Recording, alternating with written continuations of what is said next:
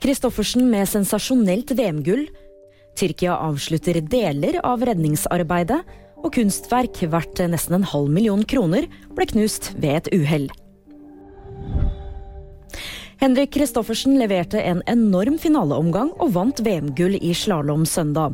Dette er 28-åringens første VM-gull i slalåm noensinne.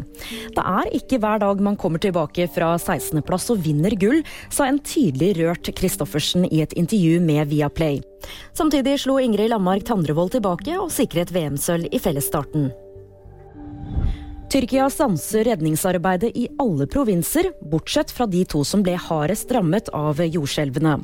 Over 46 000 mennesker er bekreftet omkommet etter jordskjelvkatastrofen som rammet både Tyrkia og Syria 6.2. Dødstallene er ventet å stige, ettersom flere tusen er skadd eller fortsatt savnet. En amerikansk kvinne knuste ved et uhell et kjent kunstverk under en utstilling i Miami. Det var snakk om en utgave av Jeff Koons sine berømte Balloon Dog. Verdien på denne blå hunden i porselen er ifølge New York Times rundt 42 000 dollar, noe som tilsvarer 433 000 norske kroner. Saken blir nå gransket av forsikringsselskapet.